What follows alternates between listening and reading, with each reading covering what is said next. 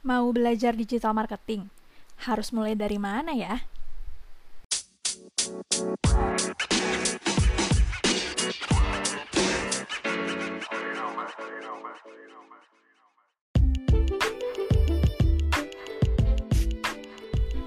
Halo, kembali lagi di podcast Ide Anissa bersama saya, Anissa. Oke, kali ini kita akan ngomongin topik tentang kalau mau belajar digital marketing itu harus mulai dari mana sih? Sebenarnya ini pertanyaan-pertanyaan yang sering muncul dan diajukan sama beberapa teman ya.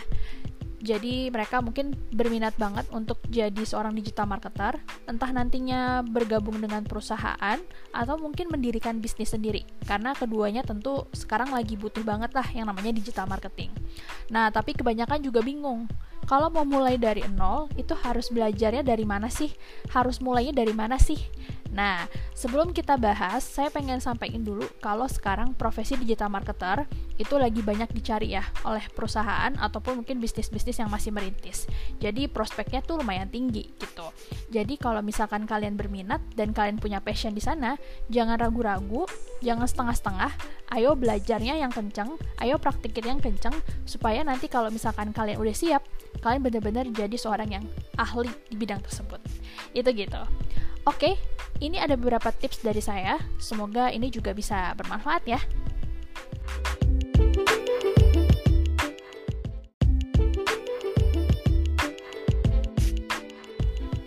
Oke, tips yang pertama adalah mulai dengan niat. Ini serius ya. Jadi kalau kita nggak punya niat nih untuk belajar sesuatu, pastinya skillnya tuh nggak akan dapet deh.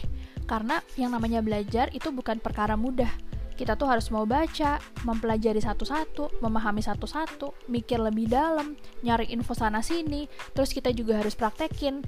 Itu pasti menguras tenaga dan menguras kefokusan kita juga.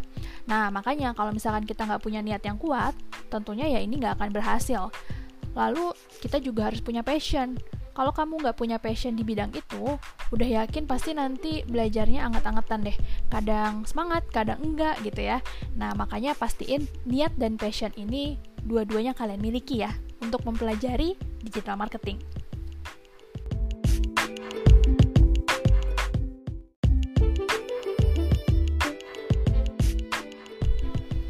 Tips yang kedua adalah kita bisa belajar basic tentang digital marketing dari platform-platform yang menyediakan sumber belajar gratis dan mudah buat pemula. Sebenarnya, kalau kalian mau googling, di internet tuh banyak banget tersedia.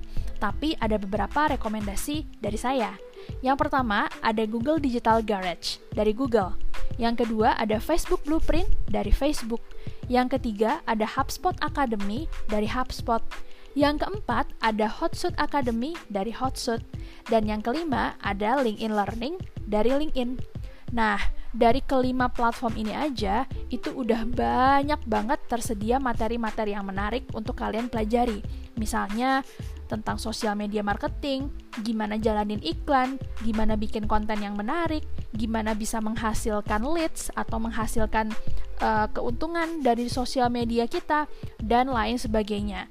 Jadi sebenarnya nggak ada alasan untuk nggak bisa memahami tentang digital marketing karena sumbernya tuh ada kok dan ini gratis loh.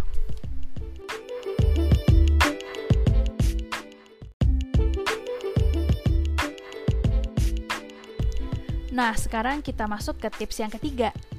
Jadi, kalau kita belajar digital marketing, itu nggak cukup kalau belajar teori dan konsep aja, tapi harus juga rajin-rajin praktek.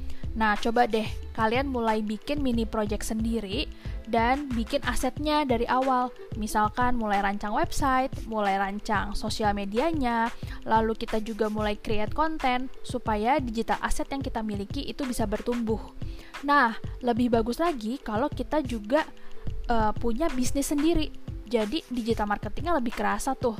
Kalau misalkan teman-teman belum ada modal, atau aduh ngerasanya kayaknya belum ada modal nih untuk bisnis yang gede-gede nggak masalah. Sekarang banyak kok bisnis-bisnis yang itu modalnya dari nol. Misalnya kalian bisa pakai sistem reseller atau dropshipper. Jadi kita nggak perlu stok barang tinggal cari supplier yang terpercaya fokus deh belajar digital marketingnya.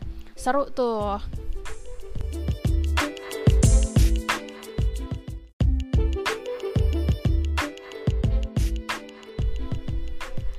Oke, untuk tips yang terakhir ya. Jadi, kadang-kadang suka banyak nih yang tanya sama saya, gimana ya cara belajar digital marketing tapi dengan cepat supaya saya juga bisa lebih cepat prakteknya dan bisa langsung kerja deh di industri tersebut. Ada nggak sih cara singkatnya? Nah, yang namanya belajar memang ya kadang-kadang susah-susah gampang, gampang-gampang susah ya.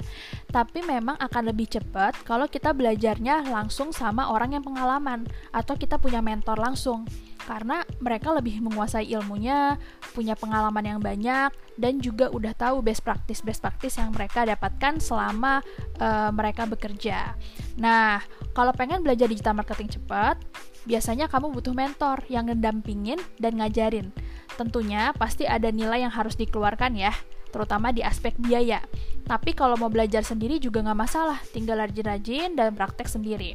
Tapi kalau kalian pengen cari mentor dan pengen cari lembaga yang bisa ngajarin kalian dari nol sampai bisa, bahkan kalau kalian juga pengen langsung disalurin bekerja, coba deh cek kelas-kelas yang disediain sama Purwadika.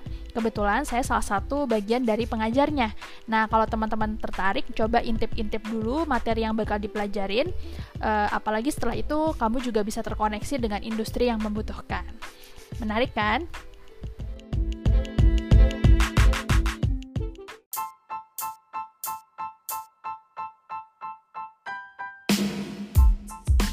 Nah, itulah 4 tips dari saya buat kamu yang mau belajar digital marketing dari nol. Gak ada yang susah kan? Semuanya tuh gampang, asalkan kita punya niat yang kuat dan rajin-rajin deh belajar. Pokoknya tips dari saya adalah kalian pahami konsepnya, praktekin, kita percobaan, pahami konsep lagi, praktekin, percobaan, gitu aja tuh terus. Sampai sekarang pun saya masih melakukan hal itu karena yang namanya digital marketing selalu berkembang, selalu berubah. Jadi jangan pernah puas kalau kita udah pelajari dari satu sumber. Oke? Okay? Thank you teman-teman yang udah dengerin podcast episode pertama dari saya. Semoga bisa bermanfaat buat kamu dan juga kalau ada saran atau mungkin materi yang ingin kalian bahas tentang digital marketing, boleh DM di Instagram pribadi saya di @finastri.anissa. Thank you semuanya, sampai ketemu di episode selanjutnya.